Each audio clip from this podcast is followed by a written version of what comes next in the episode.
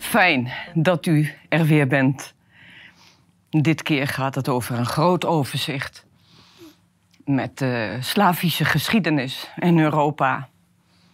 En ik heb toch gekozen ehm, om het niet ehm, over de hedendaagse periode te hebben. Die gaan we zeker behandelen. Maar het is ehm, nog te precair. We zitten midden in deze twee maanden oorlog, Oekraïne en Rusland. Maar daarachter speelt natuurlijk de grote machtsstrijd tussen Amerika en uh, Rusland. En opnieuw, ik ben zelf echt wel wat uh, van de rel. Dus daarom gaan we de komende weken door over meer het heden. Maar ga ik nu dus inzoomen um, op de cultuurverschillen en de overeenkomsten.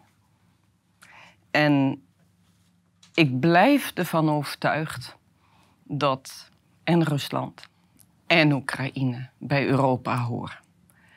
En dat is nu heel moeilijk te zeggen.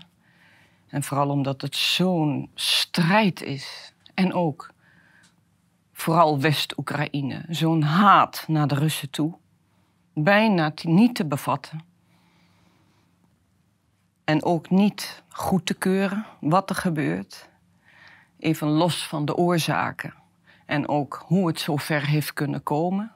Maar wat daar voor drama's dagelijks aan de hand zijn, dat spreekt voor zich. Maar de kern van de zaak is dat um, het oude Oost-Europa, en dan heb ik het niet over het Poolse Rijk of Hongarije of uh, Tsjechië, maar juist dat nog verderop, Oekraïne en Rusland ja, dat is uh, voor mij hoe dan ook met elkaar uh, verbonden. En het was zo mooi geweest als we die landen, dus ook Rusland, bij Europa hadden kunnen trekken de afgelopen 30 jaar. En daar blijf ik mij over verbazen wat voor gemiste kansen er zijn. En ook hoe wij toch 20 jaar lang um, het land systematisch hebben gedemoniseerd. Daar blijf ik ook bij. Met alles wat er nog niet deugt in Rusland. Met alles wat er vandaag de dag speelt. Met. Uh, was het alleen een Poetin? In hoeverre zijn de inlichtingendiensten en de rechterflank van Rusland uh, hier schuldig aan? Of hebben ze dit doorgezet? Dat al nogmaals nu niet. Maar deze, deze, deze situatie nu is uh, bijna niet te bevatten wat voor een kansen er gemist zijn.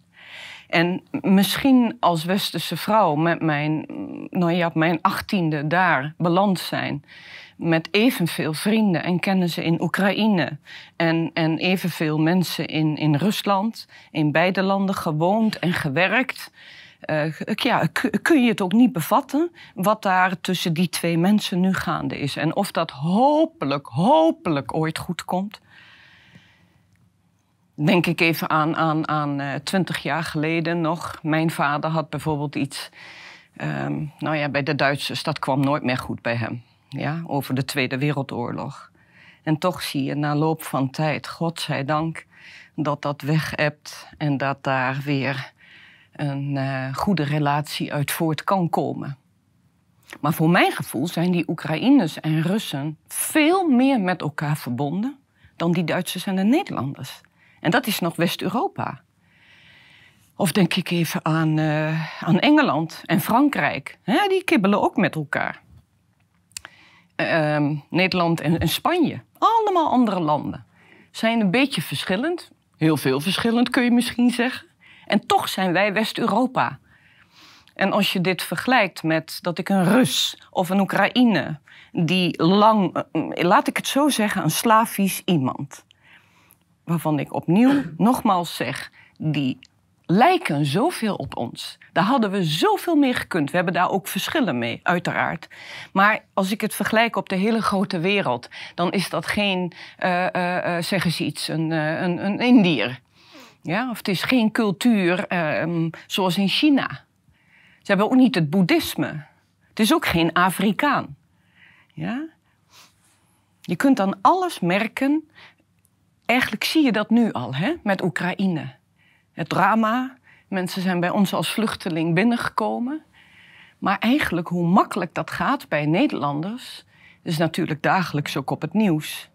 Maar hoe die mensen ehm, makkelijker misschien voor de Nederlander uh, binnenskamers um, te krijgen zijn. Laat staan enorme inzet om voor hen iets te doen. En dat is heel mooi. Maar het is ook wel een beetje met een dubbele, dubbele moraal. Als ik aan die, aan die Syriërs denk en de Afghanen, die liggen ook in Arnhem bij ons voor de Rijn. En net zo goed dat we ook veel vertaalwerk doen nu bij de Oekraïners, die daar verderop liggen. Maar uh, ja, het geeft in ieder geval aan hoe die Nederlander of die West-Europeaan tegen deze, uh, mag je het zo zeggen, Slavische mens aankijkt. Want het had ook een rust kunnen overkomen om op de vlucht te moeten slaan voor eigen regering of voor dreiging van buitenaf. Um, maar waarin, zoals ik het heb mogen ervaren, waarin lijken ze ook heel veel op ons? Nou ja, één is, zoals ik het net al schets, hè, Oekraïne is niet anders dan een Rus. Ze hebben een uh, grote lichaamsbouw, blauwe ogen, groene ogen. Um, ze hebben dezelfde kleding, dragen ze. Mm, ze hebben uh, hetzelfde christendom, ja, weliswaar de orthodoxie. Uh, maar je hebt het paasfeest, je hebt het, je hebt het um, kerstfeest. Uh, de iconen gaan over Maria, over Jezus Christus, de Leidensweg. Ook allemaal heel herkenbaar. Um, boven alles is het niet te vergeten. Die enorme cultuur.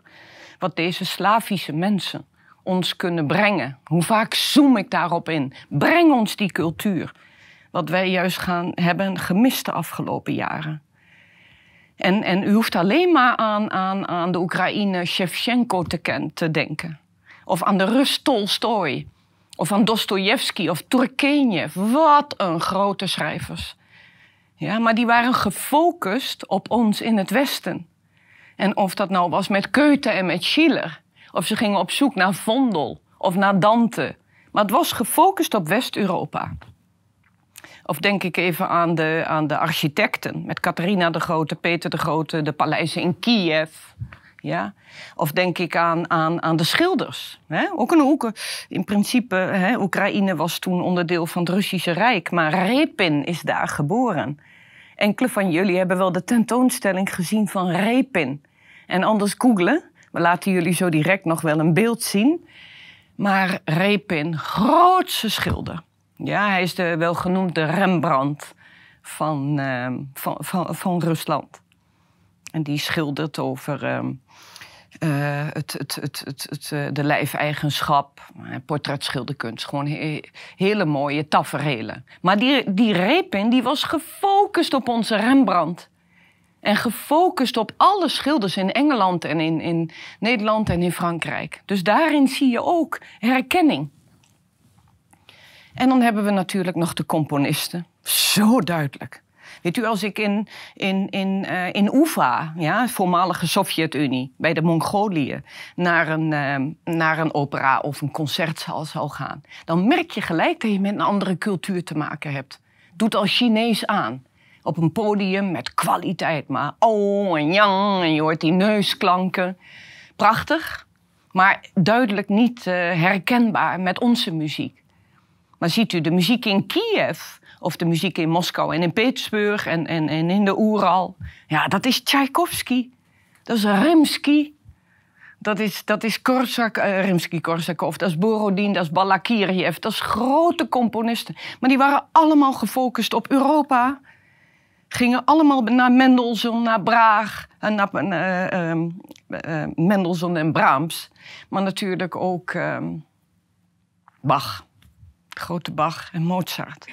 Dus zoveel hebben wij uh, met elkaar gemeen. En ook de tsarenfamilies. Ja, die leefden gewoon uh, net als onze koningen en keizers. En de kinderen werden allemaal uitgehuwelijk naar westerse vorstenhuizen. Dus het is ook een enorme lijn. Hoe het ook zij, um, dat oude Slavische rijk, waarvan Oekraïne pas in 1991 een eigen staat is geworden. Dat is ook een stuk verdieping en huiswerk doen. Van in hoeverre um, kunnen wij ook iets begrip opbrengen. In ieder geval voor de andere helft aan de kant bij uh, de Dnieper richting Rusland. En nu de Zuidbuik, waar de gevechten zijn. En vandaag dus met Mariupol en met wel of niet de Krim. Dat daar Oekraïners met Russen samenwonen. Maar men sprak van de Slavische mens heel lange tijd. Ja, dus, maar dat, dat voor zo direct. Ik vlieg vanavond met u door de geschiedenis heen. En haal die cultuurverschillen eruit. Met nogmaals, waar we heel veel op elkaar lijken en veel met elkaar kunnen. En waarin we juist heel veel verschillen hebben. En, en, uh, en, en, waar, en waar het botst. En denk ik ook nog even, ik, ik chargeer vanavond een paar keer, want ik moet duizend jaar heel snel doen. En om daar de hoogtepunten uit te halen en het niet te saai te doen. Maar als ik even chargeer met Hans van Balen, die een paar jaar geleden op dat plein in Kiev staat, dan denkt hij als westerse man. En met Kiefer Hofstad en met Frans Timmermans en natuurlijk de Joe Bidens. Van ja, Oekraïne, hè, kom maar bij de Europese Unie. En daarmee dus ook bij de NAVO. Ja, mogelijkheden voor jullie. En los van de hele strategie erachter.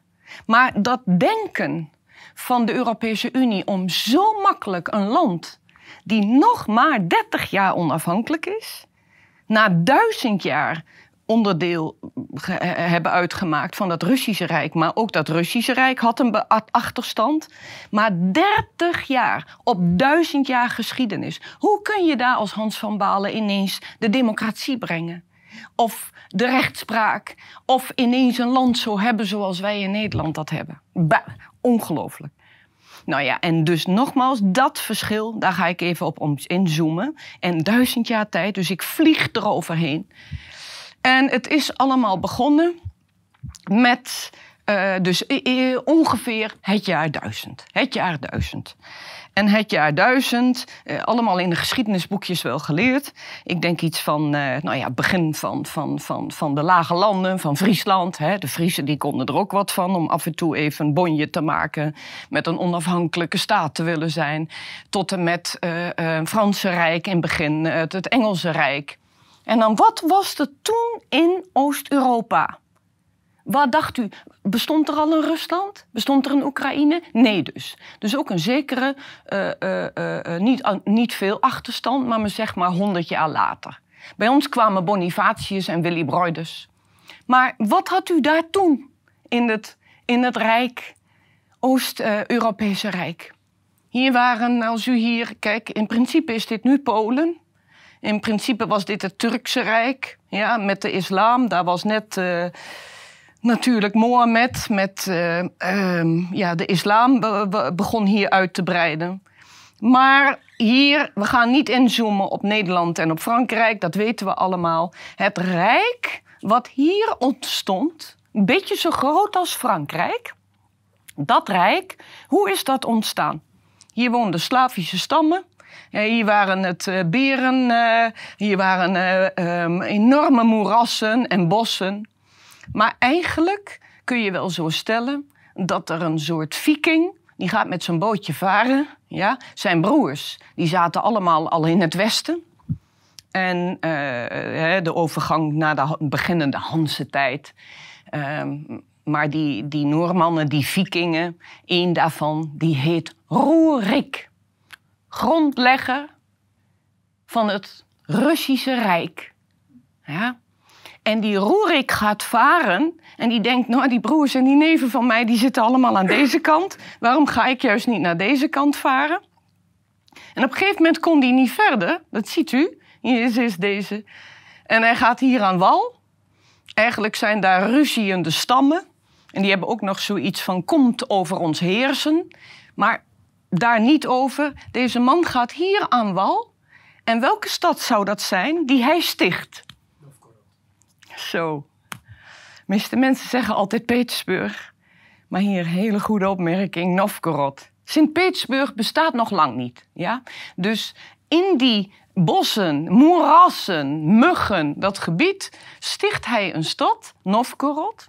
En behalve dat ga ik dat iedereen aanraden om, dat, om daar naartoe te gaan.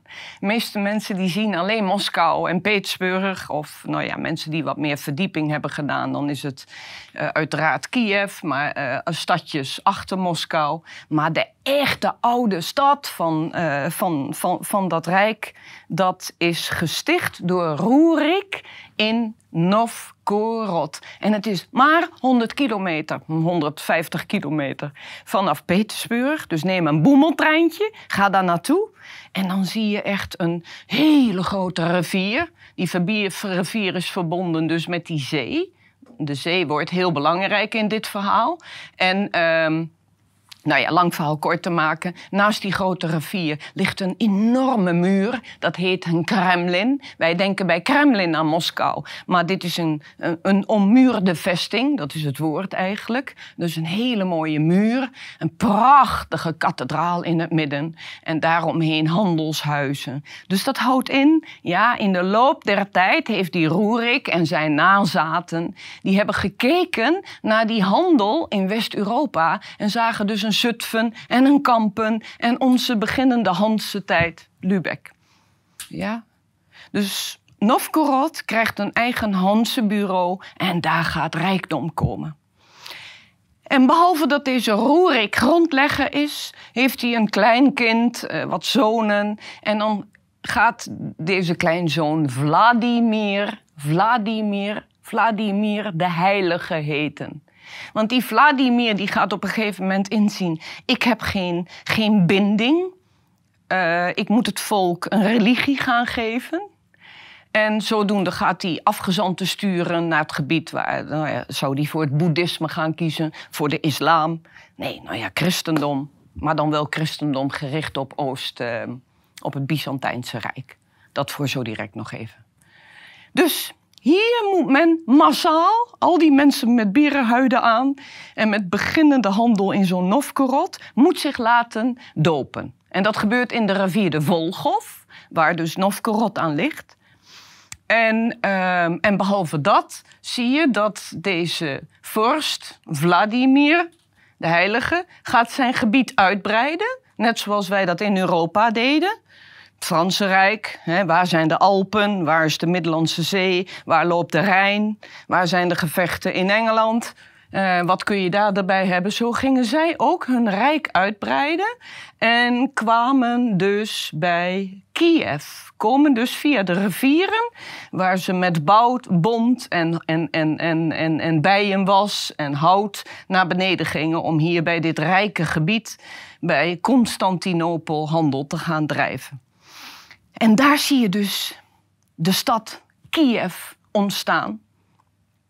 En vanaf dat moment heet dus het Rijk aan de oostkant van Europa, al in contact met ons, heet Kiev Rus. Zo heeft het heel lang geheten. Dus geen Rusland, geen Oekraïne, maar u hoort de naam Kiev erin en u hoort de naam Rus erin. Dus het rijk heet Kiev-Rus. En nu heb je bijvoorbeeld Russisch vandaag de dag gekibbel dat de Russen die hebben hun bankbiljetten. En Oekraïne heeft nu eigen bankbiljetten. En die claimen allemaal Vladimir de Heilige als, nou ja, hun stichter. Terwijl dat dus nogmaals langzaam, hè, dat was één rijk. Hetzelfde is, is in Novgorod staat een heel groot standbeeld. Prachtig aan die rivier, binnen in dat Kremlin. En ook weer een man met een, uh, met een kruis. En dat is dus ook een Vladimir de Heilige. Hetzelfde staat hij in Moskou. Maar hij staat dus ook in Kiev. En wie mag deze grondlegger nou claimen? Ja, dus allemaal, allemaal begin oorsprong. En uh, los daarvan zie je dat Intussen tijd heeft die paus uiteraard in Rome allemaal missionarissen gestuurd. En wij weten dat van missionarissen als Bonifatius en Willy Broidus niet te veel over doorgaan. Maar ik wil nog een ander iets hebben waar Russen en Oekraïners zoveel overeenkomsten hebben. En dat is hun taal, hun, hun, hun, hun alfabet. Dat is anders dan dat alfabet van ons. Dus hoe ging dat dan? Dat was een, een missionaris, ook van het christelijke, uh, dus nu niet in Polen, maar van Constantinopel. En die kreeg net als Rome de taak om hier het christendom te gaan brengen. En hij trok op naar Servië en naar Bulgarije en komt hier in Kiev ook aan. En zegt dus ook terugkomen bij de paus van, uh, ja, ze kunnen mij niet verstaan. Dus laat ik de Bijbel vertalen in hun landstaal. En zo gaat deze Kirill, zo heet deze missionaris, het alfabet uh, vertalen, dus niet in het Latijn, maar uh, gaat het in de landstaal vertalen. En hier komt dus het Kyrillisch alfabet vandaan. En tot op de dag van vandaag is dat een verschil tussen ons, Europa en natuurlijk Rusland met Oekraïne en Wit-Rusland. Die hebben het Kyrillisch alfabet, ander alfabet. Maar de christendom was hetzelfde. Um, dat wil ik dus nog even uh, eruit halen in dit grote rijk. Ik denk dat al deze vorsten, Rurik, Vladimir de Heilige. Dan heb je nog een hele beroemde Jaroslavel. Jaroslavel de Wijze, naam zegt het al. Hij begon juist met de rechtspraak. In wezen was dat Rijk Kiev-Rus was verder dan wij in Europa. Want zij hadden al eerder beginnende vormen van democratie. Zij lieten hun stadsraad in Novgorod en in Kiev lieten ze, of uh, de, de burgemeester, lieten ze kiezen door de burgers. Ja? Dat heette een vetje. Democratische raad. Best wel uh, vooruitstrevend voor, die tijd. Um, hoe het ook zij, ze hebben alle drie een strategie gehad en dat is gericht op Europa. Dat ziet u ook bij een schilderij van Roerik. Die zit op zijn paard. Dat lijkt ook echt een beetje op een viking. Maar die kijkt zo over de vlakte heen bij Novgorod. En die geeft daar als het ware mee aan. Europa is onze weg. En hoe doen ze dat, alle drie, in het kort? Eén, ze gaan dus uh, het christendom aannemen. Twee, ze gaan net als de Europese vorsten hun land verbreiden, uh, uitbreiden. Drie, ze laten die kinderen van hen, de dochters, uithuwelijken met West-Europese vorsten. En vier is uh, de handel. De handel waar het vandaag dus uh, soms misgaat. Aan corruptie, aan grote oligarchen, aan, aan zus en zo. Maar ooit was die beginselen er met handel drijven. Dus nogmaals, als je in de archieven gaat duiken in, in, in, in, in, in, um, in, in, in Zutphen, in Deventer. En je gaat naar de graanhandel kijken. Ja, dan zie je hoeveel boten er over de Oostzee gingen. En hoe ze daar allemaal in Novgorod aankwamen. En voor de mensen van cultuur van u.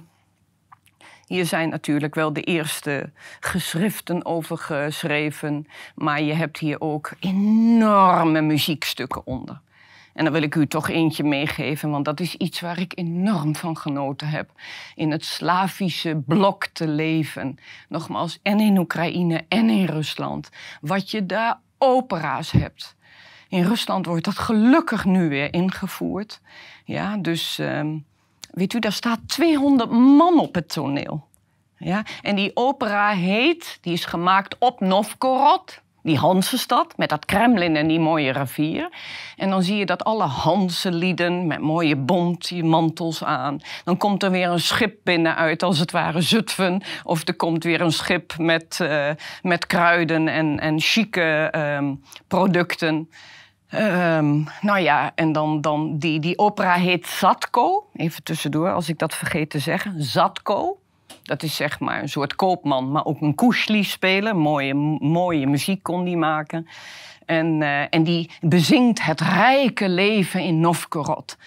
En daar zitten heel veel bekende melodieën bij die u allemaal kent. Maar hij is ook in Nederland al veel te weinig uitgevoerd. Dat was toch, uh, ja, Um, bij ons niet op het, op het repertoire zoals we dat met Mozart kennen of met andere grote Verdi-jongens. Maar deze opera, als u dit ziet, ook in de communistische tijd in Kiev, in Kharkov of in Siberië niet te vergeten, of hier in dit soort stadjes. Het was misschien wel simpel in de communistische tijd, maar wat had u daar een groot cultureel leven?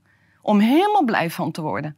En er zitten kindjes in de zaal van zes jaar, acht jaar, die met grote strikken al muisstil kunnen gaan luisteren naar, nou ja, dan wordt door oma of door vader en moeder een sprookje onder verteld. Hoe was dat rijke leven in Novgorod en in Kiev? Ja, maar als u dat ooit kunt zien, aanrader ehm, dat dat weer terugkomt. Maar goed, hier zit ook al enorme cultuur, wat mensen kan binden en wat wij juist weer minder in de westerse wereld hebben benadrukt de afgelopen jaren. Um, los van deze glorietijd van het Rijk Kiev-Rus, moeten we één ding even in de gaten houden, omdat dat ook vandaag de dag speelt. Dat als je voelt hoe belangrijk het is om handel te hebben. Wij in Nederland, Den Helder, Vlissingen, Gouden Eeuwtijd. We lagen aan zee, we liggen nu aan zee. Dus hoeveel mogelijkheden geeft dat ons? Het punt was in dit rijk, en dat ziet u nu ook, waar dan Rusland op gefocust is, om die onderkant terug te krijgen. Maar u ziet dat dit rijk geen zee heeft. Ja, dit was, op een gegeven moment gaan ze dit verliezen. Maar de stad die hier ligt is Archangelsk. En dat was zo koud daarboven. En het was meestal bevroren, dus dat heeft lang geen, geen, geen functie gehad, geen haven. Nogmaals, Petersburg in die bocht bestond nog niet. Novgorod zit hier. Maar eigenlijk moet u zeggen van, het mist aan zee. Maar het is hoe dan ook volop verbonden geweest met Europa. En nu komt de eerste pech, grote pech, waar de mensen uit Kiev, Rus, uh, mee te maken hebben gehad. En waardoor ik reden één, heel, heel, heel kort door de bocht, hen, uh, tenminste, ik niet, maar wat, wat men over hen zegt. Stel, ik vraag aan u, we weten allemaal dat uh, Oekraïne Rusland goed verbonden is uh, met, in principe met, met ons. Ook al zat daar communisme tussen, ook al hebben we daar heel veel andere, uh, weinig contact mee gehad, communistische tijd. Maar desalniettemin, als ik met zakenmensen de afgelopen 30 jaar, 20 jaar was, of met toeristen, of met studenten, wat zei men altijd tegen mij, wat, wat overheerste van uh, waarom zijn Slavische mensen over het algemeen zo apathisch? Ja? Of waarom lachen ze niet op straat?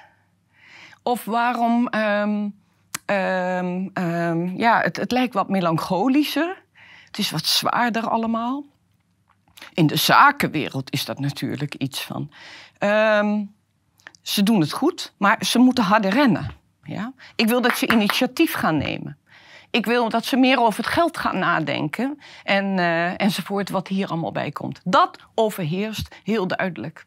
Dus die apathie, wat wij vaak benadrukken, en die melancholie, dat, dat, uh, dat, dat wordt benadrukt. U weet ook allemaal dat ze beroemd zijn om hartelijkheid, om op de dag te leven, alles weg te geven wat ze hebben.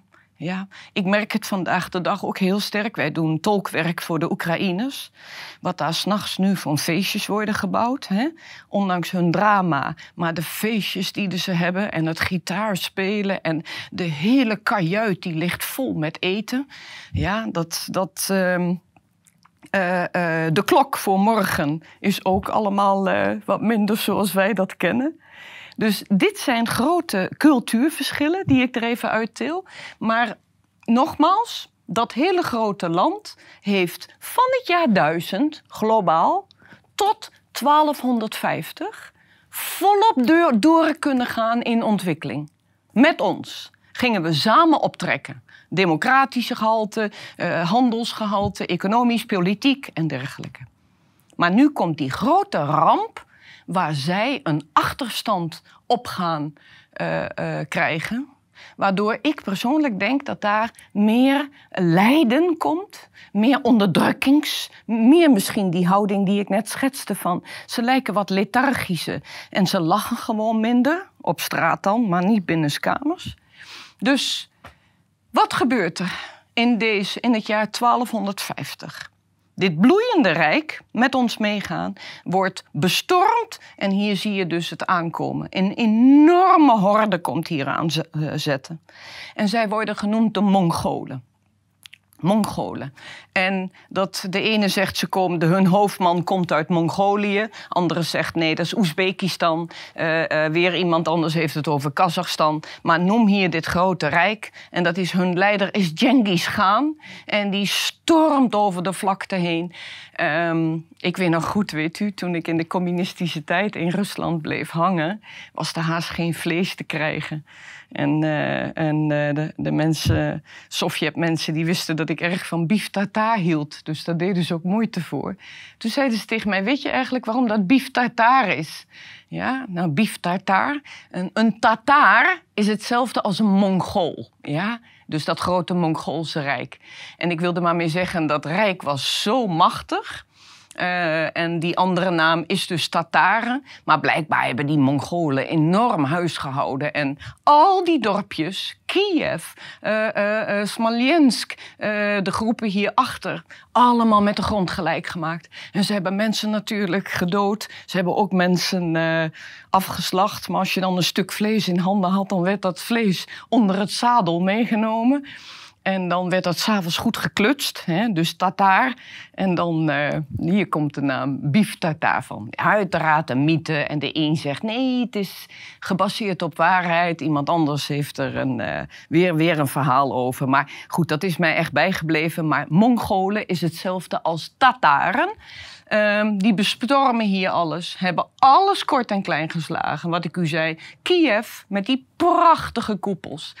Uh, dat is... Um, dat is uh, zo goed als uh, uh, niets meer van overeind gebleven. En, en, en de andere Hansensteden. En weet u, mocht dat zo zijn, dat dat voor vijf jaar is. Ja, zoals Hitler nog vers in ons geheugen is, denken we aan dat dat misschien twintig jaar een bezetting is geweest.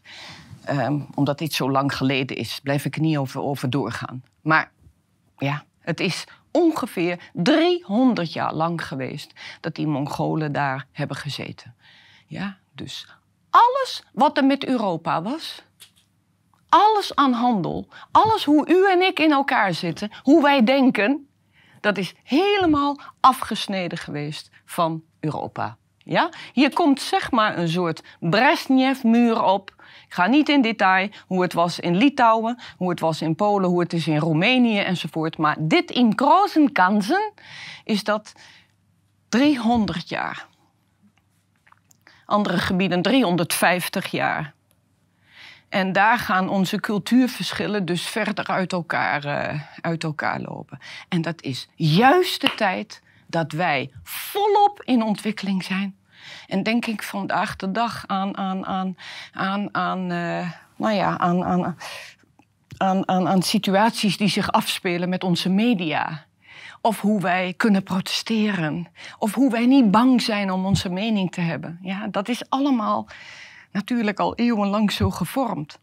En dat merk je dus ook. Ik noem maar een paar namen. Niet te vervelend doen en lang in de geschiedenis blijven hangen. Maar ik pakte één iemand uit met de 14e en de 15e eeuw. Terwijl zij daar, huppa, onderdrukt zijn, is het dus bij ons glorietijd aan de beginnende middenklasse. Ja, alleen even, dus, dus roep eens iets. We zitten in de tijd met renaissance. Alles mag mooier worden. Kijkt u naar een beginnend Amsterdam. Kijken we naar Leiden, naar Delft. Je mocht ervoor uitkomen dat jouw woning groter werd. Jij mocht je, jezelf op een schilderij laten neerzetten. in, in, in dat rijk Kiev-Rus. Dat bestond niet, dat was ijdel. Ja? De enige vorm was iconen schilderen. Maar dat was, dat was een, een, een werk voor God. Ja, maar renaissance, dat je rijker wordt, eh, machtiger wordt en daarmee ook mag laten zien. Ja, dat ziet u helemaal vandaag de dag terugkomen. Denk ik even aan de scholastiek. Ja, Geert Grote, wat hebben we voor mooie mensen. Thomas van Aquino, met de, met de, met de spreuk erbij. Kennis, kennis is macht. Ja, ook iets. Um, hebben we het over, over over uh, het humanisme. Aan die mooie man in Nederland, die gematigde man. Ja, lof der zotheid is die natuurlijk beroemd om geworden. Ja, enerzijds de zotheden van de mens. Die man die ging voor vrijheid. Vrijheid wat wij normaal zo, nu zo normaal vinden. Lof der zotheid. Over de zotte Brabanders, maar de botte Hollanders. Tot en met zotheden aan de top. Ja, dat is iets dat Erasmus al ziet. Dat als je de mens vrijheid geeft en dat de top kan profiteren, met hopelijk de mensen meenemen in welvaart. Ja, dat je dan daarnaast ook ziet dat een Erasmus eigenlijk ermee bedoelt. Hou die toplaag in de gaten als ze te veel vrijheden krijgen. Dan is het net als hè, met oligarchen vandaag de dag of waar dan ook op de wereld. En vooral in Rusland en Oekraïne. Daar is dat kapitalisme veel te snel gegaan. Dat zie je. Dat wordt gegraaid. In de mum van tijd liep dat uit de hand, omdat je daar geen wetten had en geen basis, zoals wij in de geschiedenis. Maar Erasmus had het, zag het heel goed. Ja? Als jij als hoofdman met graan of aan de Keizersgracht in Amsterdam je gang kon gaan, natuurlijk betaalde je dan geen belasting. Natuurlijk was het dan op die manier uh, makkelijk om nog rijker te worden. Ja? Dus Erasmus, uh, prachtige man, hoe hij dit soort waarschuwingen als het ware ook al geeft op een gematigde manier. Ja, in diezelfde tijd zit een meneer Descartes, die twintig jaar bij ons in Nederland woont. En die schrijft boeken, maar zijn beroemdste leuze is natuurlijk: Ik denk, dus ik besta. Wat een eenvoudig zinnetje. Ik heb zo over dit zinnetje ook nagedacht de afgelopen 40 jaar. Als ik mijn, mijn, mijn Slavische uh, families, uh, mensen, vrienden bestudeer. Ja? Ik denk, dus ik besta. Hoeveel ratio zit daarin? Hoeveel, hoeveel stimulans van ga het lot in je eigen hand nemen. En een Slavisch iemand zegt: nee, het lot moet je accepteren.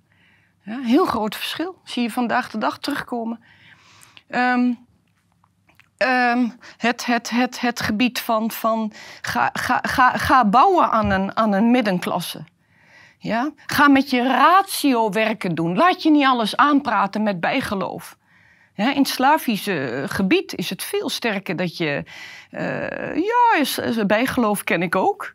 Uh, daar continu wel. Maar ook met de natuur leven. Met de sterrenhemel. Dat hebben zij natuurlijk veel meer ontwikkeld. Ja, natuur. Ehm, en er waren dus ook geen, geen grote ontwikkelingen zoals, zoals wij die kennen. Maar ik verbaas me erover hoe vaak een Oekraïne en een Rus de laatste jaren aan mij hebben gezegd: Marie-Thérèse, jij doet alles met je ratio. Kun je nou niet eens een keer dat verstand stilzetten? En dat kan zijn, zeggen ze iets, als ze mij uh, uh, uh, een nieuw geopende kerk willen laten zien. Waar zij bezinning vinden. En, en, en trouwens, het is ook, is ook om bezinning te vinden. Dat, dat leer ik van hen hoe mooi het is om ook eens stilte te kunnen ervaren. Maar goed, dat hebben ze vaak aan me geroepen van. Als ik bijvoorbeeld vroeg van, god joh, die icoon in Novgorod, die is veel okergeler dan in, in, in een ander gebied. Ja?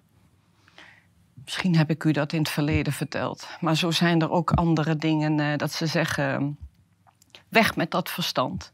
Laat je gevoel gaan, wees stil, voel die bezinning. Um, bankwezen. Hoe vaak, hoe vaak heb ik Campina's en Heinekens en, en Ikea's en mensen in de borrelclubs horen zeggen van uh, dat sparen voor die Slavische mensen. Dat is zo moeilijk om ze dat bij te brengen. Ja? Hypotheek, dat moet je toch begrijpen. En een premie. En zus, dit, dit ingebouwd. En he, ook nooit geleerd. Is bij ons allemaal in die tijd ontstaan. Bankwezen. Hoe ga je zuinig zijn op je geld? Hoe denk je aan de dag van later? In tegenstelling dus met Slavische blok. Geld nog nooit gespaard. Het was niet van jou, ook later niet. Was van de landeigenaar. Ook in de communistische tijd had u nauwelijks banken. Waarvoor?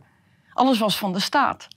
Dus om dat bankwezen de afgelopen twintig jaar bij te brengen bij deze Slavische mensen, Oekraïne en Russen, dat was, dat was ook een enorme taak. Ja? Veel te weinig aan gedaan. Uh, Wij dachten nogmaals de afgelopen twintig jaar, dat doe je toch even in democratie. Dat doe je toch even een bankwezen en een goed betaalsysteem. En dat die mensen zelf verantwoordelijk zijn. Zelfverantwoordelijkheid is ook zoiets. Individualisme hoort in deze hele tijd. Individualisme heeft bij ons de nadruk gekregen. En dat is heel mooi. Als je voor jezelf verantwoordelijk bent en dat je hebt geleerd om, om je individu, uh, uh, bewijzen van het, het, het, het lot weer in eigen hand nemen. Verantwoordelijkheid zelf nemen. Absoluut daar veel minder. Ja? En daarmee kraak ik dat niet af, want zij zijn meer, veel meer gericht, ook door die Mongoolse bezetting en door dat altijd onderdrukt zijn. Zij zijn juist veel meer gericht op een saamhorigheidsmaatschappij. Ja? En ik blijf me daarover verbazen. Tot op de dag van vandaag. Misschien iets minder in Moskou en in Petersburg en in Kiev. Waar natuurlijk al mensen vermogend zijn. Of in de middenklasses dit soort dingen zich hebben eigen gemaakt. Maar in het platteland of in de provinciesteden of in Siberië of in Zuid-Rusland of in Oekraïne, in Kharkov. Het leent allemaal voor elkaar. Ja? Zo, zo, uh, um, of dat nou een bruiloft is, of je hebt een ongeluk gehad. En, en, en, en nou ja, je kunt eigenlijk daar niet mee thuiskomen bij je vrouw. Ja, wat daar geleend wordt en met elkaar op het woord. Je geeft je woord. Ja? Het woord geven daar is misschien, uh, um, is misschien heeft, heeft, heeft heel veel betekenis. Weet u, en daarom begrijpen wij soms ook niet, denk ik weer aan een hedendaags ding, met dat gebeuren met die NAVO. Sommige Nederlanders zeggen echt, of NAVO-kopstukken, of Stoltenberg, of ik weet niet welke andere militair uh, die voor ons nieuws is. NAVO is geen bedreiging voor Rusland. Ja? En NAVO heeft dat ook nooit zo bedoeld.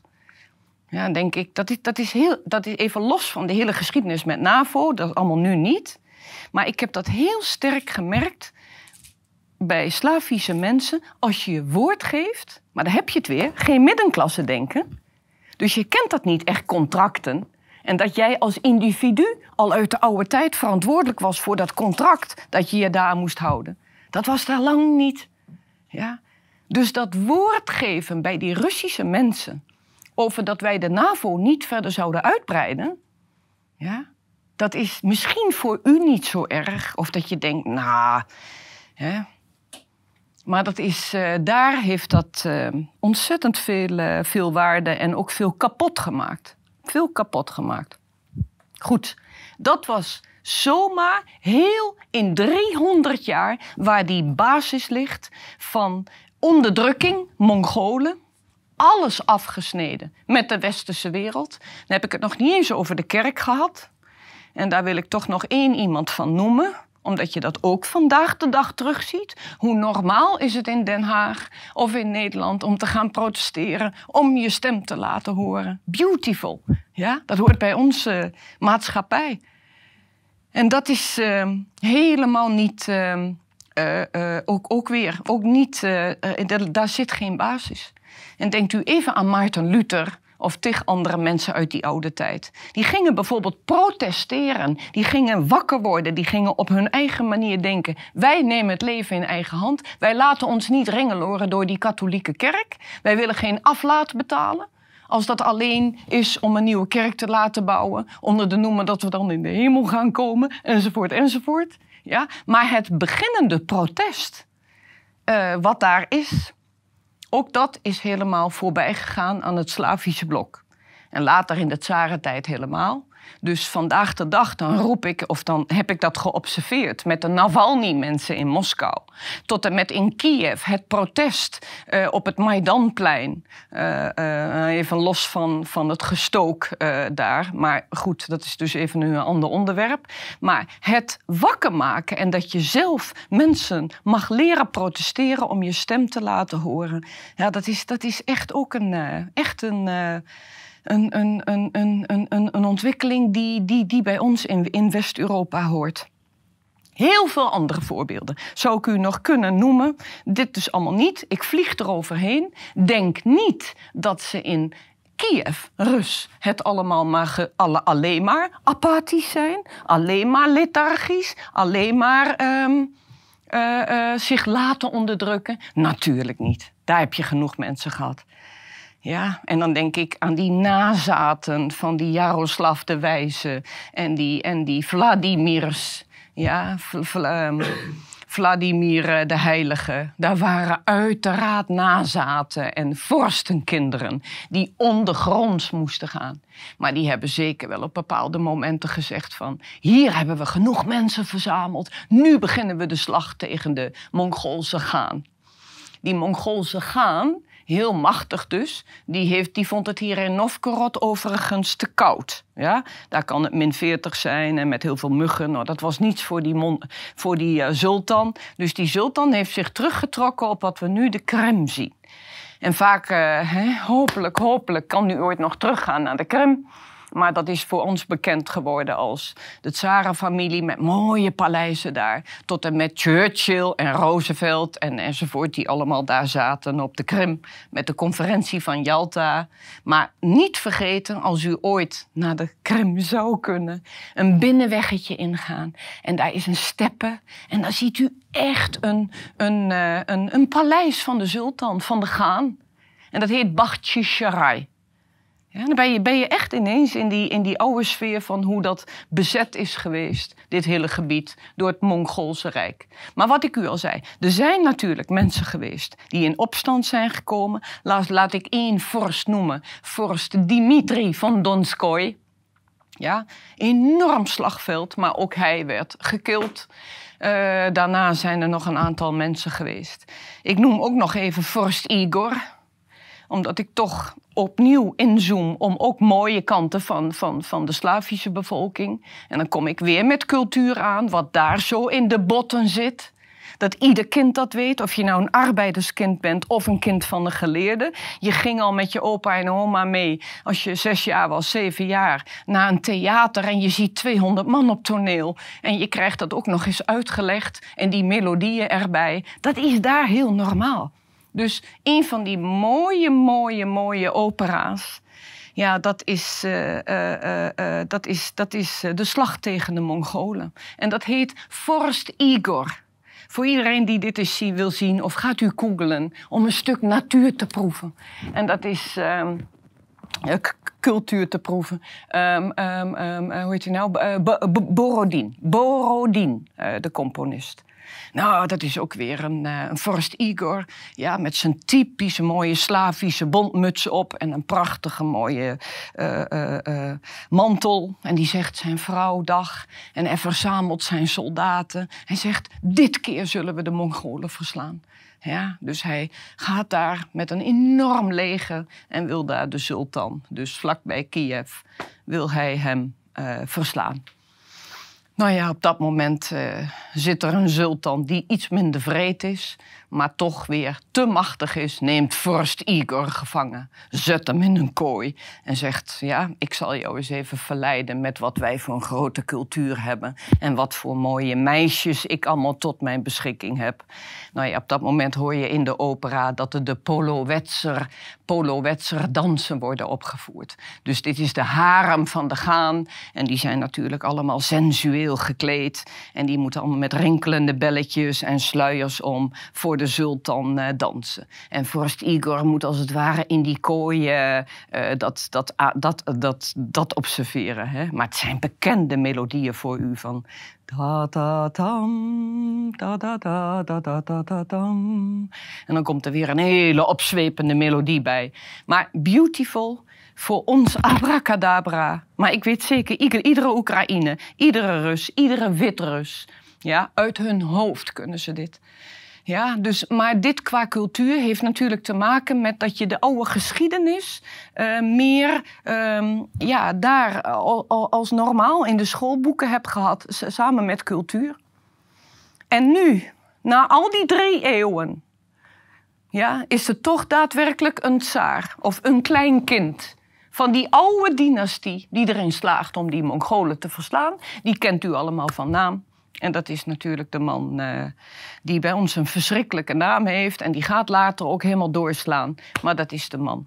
Ivan de verschrikkelijke. Ja? En deze Iwan die heeft het dan op zijn naam staan dat hij uh, uiteindelijk de definitieve slag heeft uh, geleverd en dat hij de Mongolen grotendeels uit Rusland heeft, uh, uit Kiev, Rus, heeft uh, verslagen. Ja? Dus dat is bij Astragan hier en bij Kazan. En hier zijn natuurlijk enorme slagvelden geweest. Maar ik ben met jullie ongeveer patsboom in het jaar 1600. Dus dit is globaal de achtergrond van waar al 400 jaar of 350 jaar achterstand zit. Uh, en achterstand, maar zij hebben, andere, uh, zij hebben andere eigenschappen ontwikkeld. Maar het meest opvallend is vandaag de dag dat dat. Uh, dat men in Nederland vaak aan mij zegt, als je daar dus zaken doet, van uh, waarom nemen ze niet meer initiatief en lijken ze allemaal wat meer dat je, uh, nou ja, niet zo makkelijk voor jezelf uh, opkomt. Waarom, waarom houden ze zich stil? Dat wilde ik u ook nog zeggen. Ik heb de afgelopen jaren dan twee Oekraïners en een Rus mogen begeleiden. En die kwamen in Nederland bij een uh, groot bedrijf. En uh, bij ons is het gewoon heel gebruikelijk dat je, dat je een rondje overleg hebt. Zeg bij Nutritia. Het gaat nu over KEMA-keur. Maar uh, zo heb ik het meegemaakt bij Campina's en bij Ikea's. Dan ga je proberen deze Oekraïners en Russen, uh, die veelal hoog opgeleid zijn uit de communistische tijd, als wetenschappers invoeren in het bedrijf. Maar daar heb ik het meerdere malen gehoord als dan op vrijdag één keer in de maand een rondje overleg is. Dan zitten deze Nederlanders, ja, zoals wij zijn. Uh, uh, uh, wij zijn niet bang om onze stem te laten horen. Ja? En wij kunnen nadenken en wij kunnen dus heel snel rap erop invliegen. Wat wordt er van u verwacht? Ja? Is er nog een ronde vraag? Ja, wat vindt u? Wat vindt u? Wat vindt u? En dan kom je dus bij de Oekraïners en bij de Russen, die één achterstand hebben op hun Engels. Twee, vragen soms uh, uh, enkele mensen me heel aandoenlijk van... Um, ja, heb ik de juiste stropdas voor? Want u zit wel tussen dertigers en veertigers die allemaal de juiste snit hebben. En de juiste kapsel. En dus inderdaad uh, makkelijk, makkelijk voor zichzelf kunnen opkomen. Ja, en dan na die dertig man gevraagd te hebben... dan wordt de mening gevraagd van de Oekraïners en de Russen. Ja, en die slaan toch dicht. Je ziet het voor je gebeuren. En dat is al een cultuurverschil. Wat, waar, waar onze bedrijven tegenaan liepen, die kregen er niks uit. Maar wat zij hebben ervaren weer van, ja, wij, wij, wij, wij, uh, wij, wij weten dan op dat moment niet zo snel uh, hoe, hoe, hoe we moeten rea reageren. Hoe het ook zij, u snapt al lang wat ik ermee bedoel. Dit is groot ongeveer 350 jaar achterstand. En nu gaat die Iwan de Verschrikkelijke, als het ware, zijn grote rijk uh, proberen te uh, herstellen. Hij staat ook weer voor de vraag: wat moet ik doen? Moet ik mij richten op Europa? Maar ik heb zoveel achterstand. Of ja, ga ik een, me richten op de andere kant, richting Azië? Hij zag natuurlijk dat zijn oude orthodoxe hoofdstad, Kiev. Ja, dus Kiev was vooral religieuze hoofdstad. Een beetje zoals Rome is voor ons, Vaticaan. En Novgorod was dus die grote Hanse hoofdstad. Daar heeft zich alles afgespeeld. En dat gaat Ivan de Verschrikkelijke. Hij ziet dus dat meeste gebied allemaal is uh, vernietigd. Dus ja, ga je Kiev weer als hoofdstad instellen. Of uh, Novgorod, hij ging in het midden zitten. En daarna wordt het Moskou. Ja? Dus dat is ongeveer in het jaar 1600. Goed, nou heeft Ivan natuurlijk ook een achterstand met zijn kleinzonen en allerlei andere tsaren. En ik denk dat die tsaren toch iets hebben overgenomen, geërfd van deze oude, uh, van deze Mongoolse heersers. En dat is autoritair beleid, ja, met een toplaag om je heen die je kon vertrouwen. En zie dat maar even in 300 of 400 jaar in te halen. Daar zat dus echt het probleem. Dus probleem nummer twee, wat er nu bovenop komt, waarin we van elkaar verschillen, dat is dat nu de tsaren gaan komen. En Ivan de Verschrikkelijke is een tsaar. Die heeft in zijn 50 jaar niet voldoende tijd gehad. Hij heeft het geprobeerd. Dus Moskou helemaal laten opbouwen. Vanaf die tijd is Moskou hoofdstad. En wordt het genoemd het Moscovische Rijk. Moscovische Rijk. Intussen was in Europa, en daarmee dus Polen, was een groot rijk aan het worden. Dat is de glorietijd van Polen. Die gingen een uh, bondgenootschap aan met Litouwen. En dat werd genoemd Polen-Litouwse Rijk. En dat was groot. En dat kwam tot hier. Dus als u nu ziet die problemen die we hebben in Oekraïne, dan is dat Oekraïne, kunt u zeggen, die westkant van Lviv bijna tot aan Kiev, heeft nooit bij dat rijk gehoord. Dat oude uh, rijk Kiev-Rus. Dat is heel lang Pools-Litouws geweest. En ging deels, ja, was wat minder onder die Mongoolse invloed. En daarmee dus ook meer gericht op Europa. Maar Ivan de Verschrikkelijke heeft uh, te weinig tijd gehad. Hij heeft wel de handel weer opgezet. Hij is makkelijk voor u. Hij heeft dezelfde jaartal als Willem van Oranje. Is goed te onthouden. En deze Ivan de Verschrikkelijke gaat volop handel aan. Met Engeland en met Nederland en met heel veel andere landen. Maar was in zijn goede jaren gericht weer op Europa. Maar verder op het einde wordt die paranoia. Hij ziet dat al zijn adellijke mannetjes om hem heen en neven en zo, die willen hem om, om, om, om zeep helpen. Maar ga ik allemaal niet over door. Na hem komt Peter de Grote. Wat een fascinerende man. Ja, Peter had natuurlijk diezelfde achterstand. Maar steeds meer inhalen en steeds meer gericht op Europa. En het is zo fascinerend, weet u, als ik in Moskou, wat dus toen het Moskouse Rijk heette, als je in de buitenwijken van Moskou woont en loopt, dan zie je daar het oude huisje waar Peter de Grote heeft gewoond. En die kleine Peter, die, was, uh, ja, die ging wandelen in, in, in gebieden waar hij eigenlijk niet mocht zijn als tsarenkind. Maar hij kwam met enkele Nederlanders in contact. Die waren, wij, we zitten nu in de Gouden Eeuw Nederland, hè? En dat was Gerrit Kist uit Zaandam. En dat was Frans Timmermans. Moet je nagaan, helemaal met een kar uit Nederland. Dat je met die kar helemaal hier naartoe gaat om in Moskou proberen zaken te doen. Want er waren natuurlijk Nederlanders die konden niet mee profiteren van die Verenigde Oost-Indische Compagnie op schepen en dat.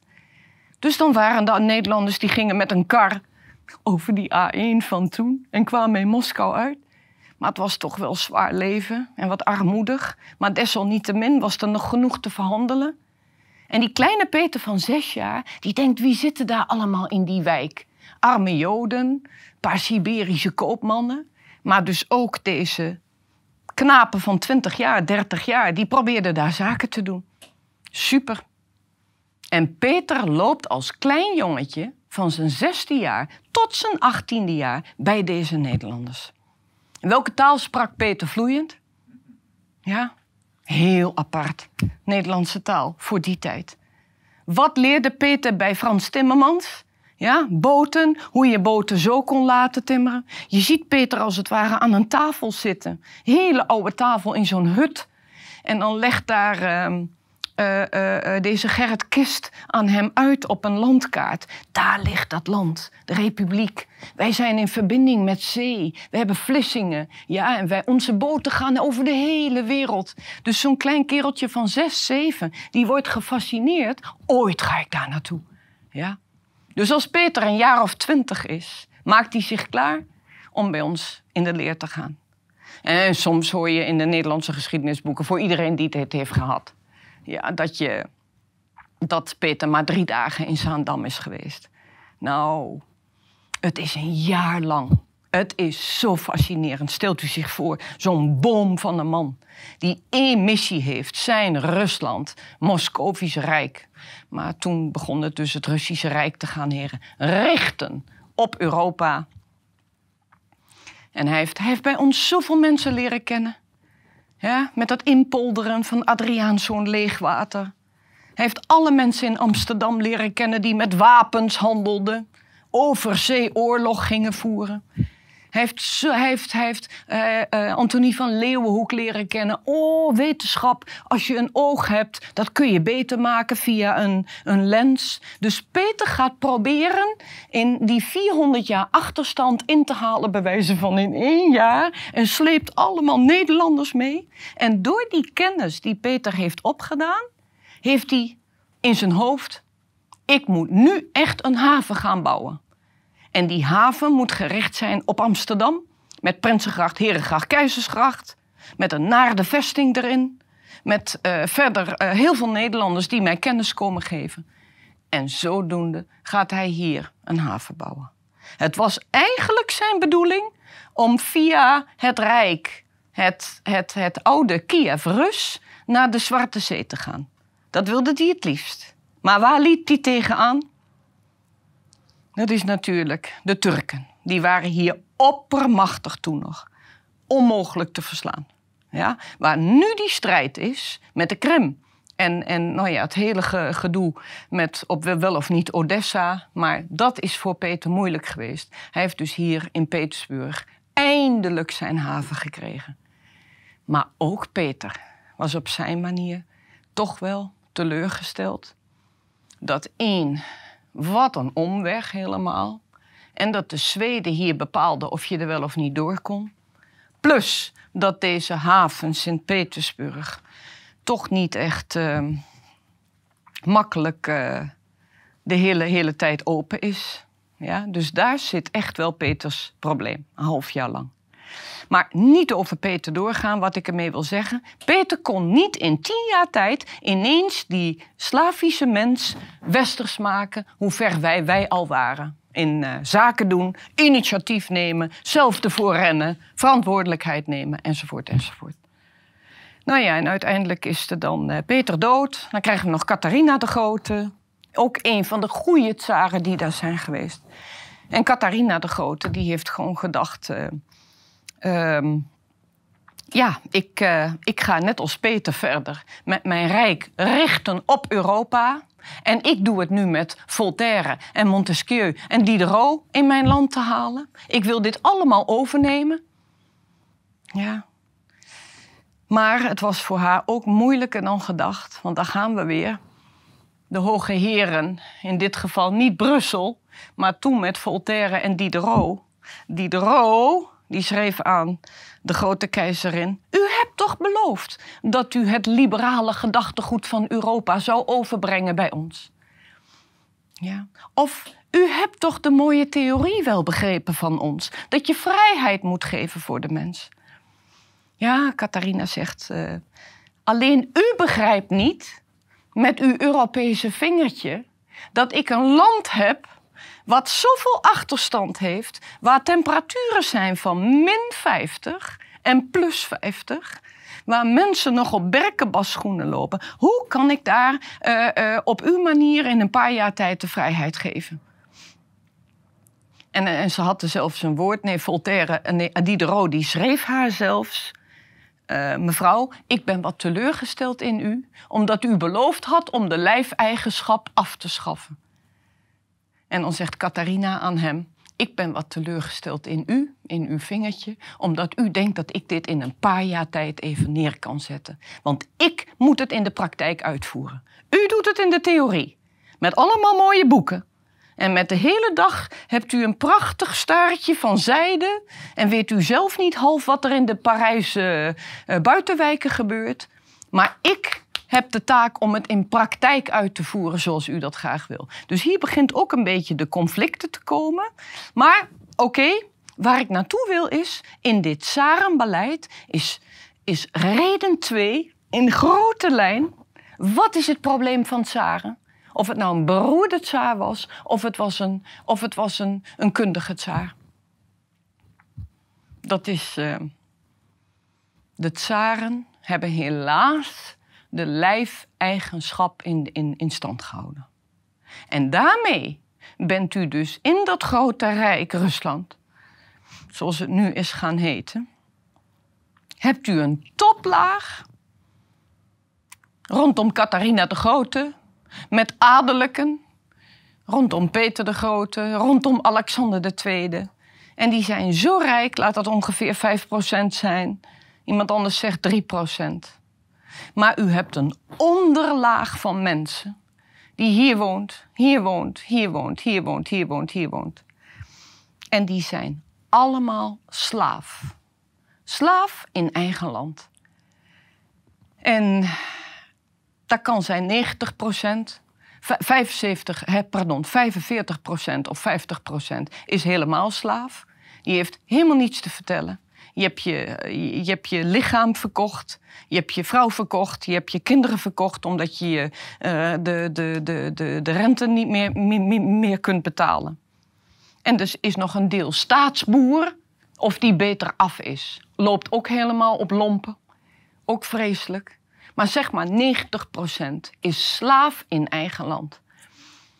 En uh, nou ja, u weet, als we denken aan onze eigen slaven in Nederlands-Indië, waar dan ook, het gebied uh, bij uh, Suriname en dergelijke, ja, dan is dat onze koloniën. Maar dat zag de gewone Nederlander niet wat zich daar afspeelde in ons land. Maar in Rusland heb je dus slavernij in eigen land. Dus een toplaag ongeveer 5%, een onderlaag van 90%. En wat mist in dat grote Russische denken? Dat is uh, het middenklasse denken. Dus u als slaaf kreeg nooit geen kans om een stuk grond te krijgen. Als staatsboer ook onmogelijk. Ook niet om zuinig te zijn op uw gereedschap.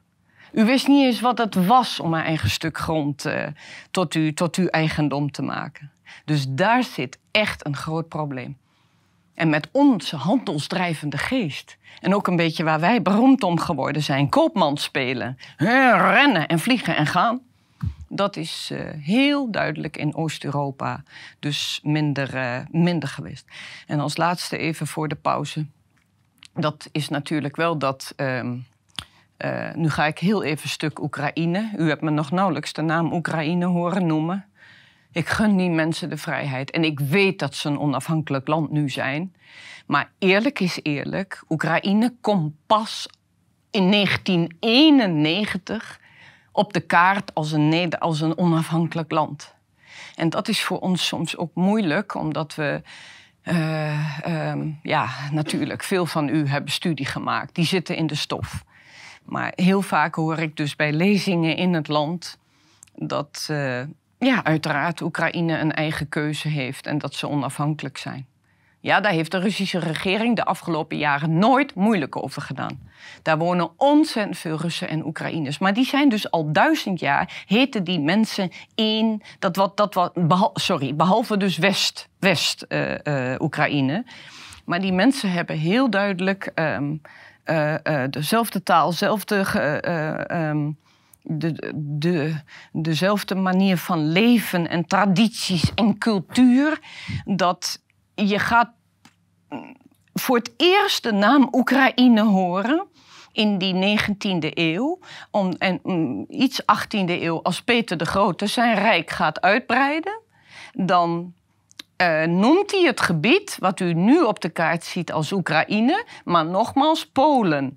En Litouwen was een heel machtig land. Die liepen over West-Oekraïne heen. Maar um, dat middengebied onder Kiev is, nooit is nauwelijks bewoond geweest. Dat is steppen. Dat had geen naam. Daar, daar woonden Kozakken. Kozakken, dat is mooi. Maar een kozak, wat houdt een kozak eigenlijk in? Dat is een vrijheidsstrijder. En de ene keer ging die, liet hij zich inhuren voor het Turkse Rijk. En dan weer voor het uh, Poolse Rijk. En dan weer voor de Russische tsaar. Maar dat is een middengebied geweest. Een vlakte, een steppe. Ja? En misschien, uh, uh, Bram, als je dit nu hoort, heb ik dat, heb ik dat schilderij even voor u uitgekozen. Dank, ja. Als ik het net had over die grote schilder uit Oekraïne, Rusland. Maar nogmaals, toen heette dat gewoon het Russische Tsarenrijk in de 19e eeuw. Dit is nou één van de schilderijen van Repin. misschien mag ik u ooit eens vertellen over de grote Russische schilderkunst, maar Repin. En Repin, geboren in het gebied wat nu Oekraïne heet, ja, die heeft hier bijvoorbeeld op die steppen wat nergens bij hoorde. Niemands land. Polen was er niet in geïnteresseerd, Oostenrijk, Hongarije niet, Rusland toen ook niet. Het was het gebied van de vrijbuiters. Hier ziet u heel duidelijk Kozakkenleven. Moet je kijken mooi hoe die man uh, giert van het lachen. Hoe Repin die Kozakken heeft bestudeerd. Hoe de snorren waren, hoe de mutsen waren. Hoe natuurlijk hun, hun attributen, hun kleurrijke uh, hemden. Ja, hun schedels niet te vergeten. Maar hier is bijvoorbeeld, nou, dit zijn dus de Kozakken. Die hebben zich op dat moment laten inhuren door een uh, Russische tsaar. En uh, het gaat even om een gevecht weer met die Turkse sultan. En dan uh, is één van die Kozakken, die dus dat gewoon trouw, trouw aan, het, uh, aan de Russische tsaar. En dan laat de sultan uh, merken van, is er een deeltje met jullie te maken... dat jullie gewoon weer kunnen overstappen naar het Turkse Rijk? Nou ja, dan zie je van, wij zijn trouw aan de tsaar... Ja, wij hebben een afgevaardigde en deze afgevaardigde die is een brief aan het schrijven aan de sultan. Zo van Sultan, ben jij nou helemaal me chokken dat je denkt dat wij naar jouw rijk terug willen gaan? Wij zijn vrijbuiters. Wij voelen ons uh, nou ja, op dat moment dus verbonden met, uh, met het tsaar. Dus op die brief staan zulke scheldwoorden, zulke extreme, uh, grove woorden. Ik zal ze hier niet herhalen, maar dat is waarom die Kozakken zo aan het lachen zijn. Ja, dus dit is de brief aan de sultan, geschilderd door Repin. Maar dit geeft heel duidelijk aan het middengebied van, van wat nu Oekraïne is, onder Kiev. Wat een beetje die vlakte was, wat van niemand was, een soort niemandsland. En ook niet zoveel in geïnteresseerd waren. Maar het gebied nogmaals met Kiev, dat is helemaal met, met, met Russische tsaren, met Russische adellijken. Uh, maar hier ga je voor het eerst een beetje de naam Oekraïne horen, omdat Oe betekent bij en Krajinje is grens. Dus zeg maar een provincie binnen het Zarenrijk aan de grens. 19e eeuw. Ja. Um, Oké, Bram. Doe maar eventjes dan. Uh, ik ben nu met jullie aangekomen in de 19e eeuw. En nu gaan we even naar een kaart zoals het was in de 19e eeuw. In die 19e eeuw gaat dus dat Slavische volk nog steeds samen op. Er zijn wat ruzies, net zoals wij met de Friesen ruzies hebben. En, uh, en, en, en of de Vlamingen en, en, en Trammeland onder elkaar. Maar kijk in de 19e eeuw hoe we er hiervoor staan. Ja, het Duitse Rijk is natuurlijk ook groot. Ook weer een keizer, ook weer een stukje uh, conservatisme. Ook weer een beetje volkeren eronder houden. Hetzelfde met Oostenrijk-Hongarije. Periode natuurlijk begin van Frans Jozef met Sisi. U ziet, het grenst aan het Russische Rijk. Even dit vergeten om het niet ingewikkelder te maken. En hier hebben we het Russische Rijk. En dat zijn de drie grootmachten. En u ziet daar dus ook geen, uh, ja, op zich niet het Oekraïense deel, wat, wat, wat, wat dit dan nu is, die westkant. Maar ik vertelde u nog even over Catharina de Grote. Catharina de Grote, die heeft het werk afgemaakt waar Peter niet in geslaagd was om een goede haven te hebben. Dus deze tsarina, die gaat later uitbreiden en die heeft het op haar naam staan dat zij het Turkse Rijk heeft verslagen. En dit Turkse Rijk, dat wordt dan genoemd Klein Rusland. En dat komt misschien op u over van dat is wel heel denigerend voor de Oekraïners. Ja, dat is. Maar zo werd dat eigenlijk helemaal niet gezien. Het was het nieuwe deel Rusland wat erbij werd gevoegd.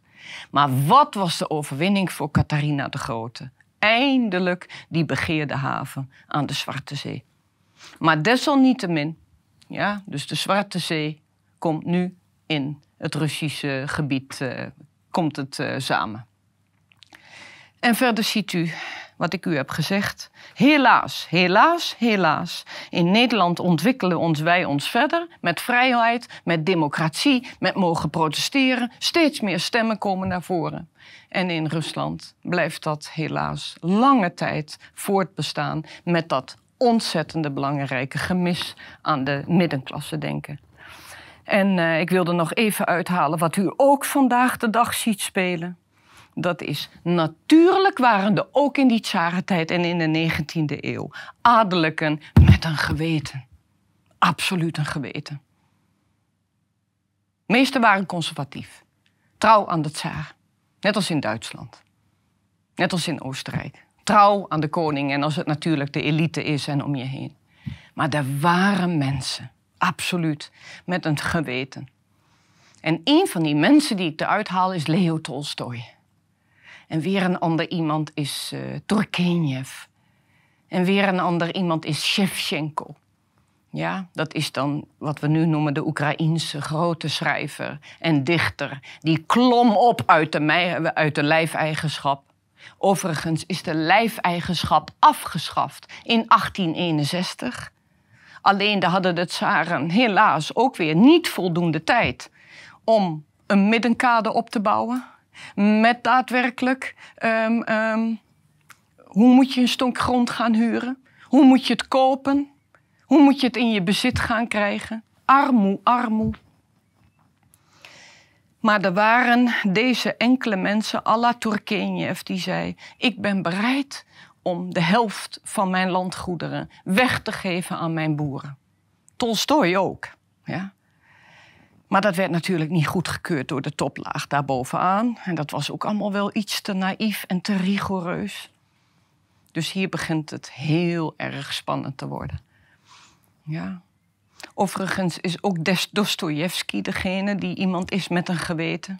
In eerste instantie is hij een soort rebel. Denk aan een Navalny vandaag de dag. Protesteren tegen de tsaar. Protesteren tegen die adellijke toplaag die de onderlaag er maar onderhoudt. Maar Dostoevsky is zo'n iemand die gaat 180 graden draaien. En dat wordt juist weer de aanvoerder van de slavofielen. Ja. En een slavofiel houdt in, Dostoevsky ging dus inzien, of op het einde van, van, van zijn leven, of, of al na zijn Siberische tijd, van ja, wij, wij, wij, wij Slavisch volk hebben toch ook wel echt iets te bieden. Ja, wij, wij ehm, want Dostoevsky was een paar keer in Europa geweest. En daar zei hij als grote schrijver: Europa was lang mijn voorbeeld. Hoe ver de mensen daar al waren met vrijheid. Maar ik heb toch wel gezien dat de mensen daar heel erg op consumptie gericht zijn. En heel erg materialistisch zijn ingesteld. Zij missen spiritueel leven en dat is de tour waar Dostoevsky over doorgaat. Nou ja, die hoef je maar door te trekken naar het heden. Ja? Tolstoy deed dat weer iets op een gematigde manier. Maar ik wil u er eigenlijk mee zeggen: in die 19e eeuw zie je dat sommige adellijken met een geweten. die gaan zich splitsen in een groep westerlingen. Dat heet Russische westerlingen die voor hervormingen zijn, voor democratie, maar ook natuurlijk wat elite erbij, die mooie praatjes heeft, die we vandaag de dag ook kennen. Van voor de buitenwereld mooi hervormingen doorvoeren, maar als puntje bij paaltje komt ook aan jezelf denken van nee, toch maar niet doen. Ja, of als het uh, enigszins kan op dit. Ja, dus, de, dus hele mooie groep, Russische westerlingen. En, hier, en daar heb je de andere groep, Russische slavofielen. Ja? En dat is meer de Dostoevsky-groep, die uh, uh, deels vindt dat ze lange tijd hebben gedacht bij Europa, horen we. Maar ze zijn ook teleurgesteld in Europa vanwege die zaken die ik u net heb verteld. En die twee die botsen met elkaar. En die strijd ziet u tot op de dag van vandaag terugkomen. Ja? Op economiegebied. Ja? Ik zie het in Moskou en in Kiev. Van ineens rijk zijn geworden. Van ja, dat hoort bij kapitalisme. Dat hoort bij de vrijheid. Dat hoort bij. Uh, en dan wel of niet er later achter komen van: is het nou dat allemaal? Om die hele grote auto's en die jachten te hebben. Sommigen draaien nu. Ja. En, en je hebt daar ook het slavofiele gedachtegoed. Net zo goed in Oekraïne en ook in Rusland. Dat je ook daar weer, die gaan weer op zoek naar de, uh, de nationale geest en de diepe filosofie. En iemand die daarin wat doorslaat, in mijn ogen, dat is meneer Dugin. Ja, die dan helemaal dat slavische, spirituele en uh, uh, bij jezelf blijven en bezinning en beschouwing. En daarmee ook een stuk bedweterigheid, als het ware, tentoonspreidt. Maar ik, niet alleen economiegebied, wat ik u net zei. Je ziet het op politiek gebied van die twee stromingen. Eén helemaal gericht op Europa. Denk ook vandaag de dag aan Poetin. Ja? Wij denken dat Poetin dit als het ware alleen heeft veroorzaakt, dit, dit drama wat er, wat er nu is. Maar natuurlijk niet. U hebt daar tig mensen achter Poetin staan. En die zijn veel extremer dan Poetin. Ja? Ook een beetje omdat wij 30 jaar lang uh, het niet begrepen hebben en ook Rusland hebben gedemoniseerd. Waardoor die groep is gaan, gaan groeien. Ja? Die, zijn, die zijn hardliners geworden. Maar dan echt ook aan de slavofiele kant, het behoud van ons land. En dan heb je natuurlijk daar weer de westersgezinden bij. Die je ook in de politiek ziet. En je ziet het op gebied van artistiekiteit vandaag de dag absoluut duidelijk aanwezig. Ja? Maar hoe het ook zij, die strijd. Dus één, de tsaren zijn voor een groot deel verantwoordelijk dat ze lange tijd die lijfeigenschap in stand hebben gehouden. Waardoor dat bij de Slavische mensen minder is, wat ik nu een paar keer heb gezegd. En aan de andere kant, zij hebben karaktereigenschappen ontwikkeld, waar ik weer heel veel van geleerd heb aan stuk bezinning.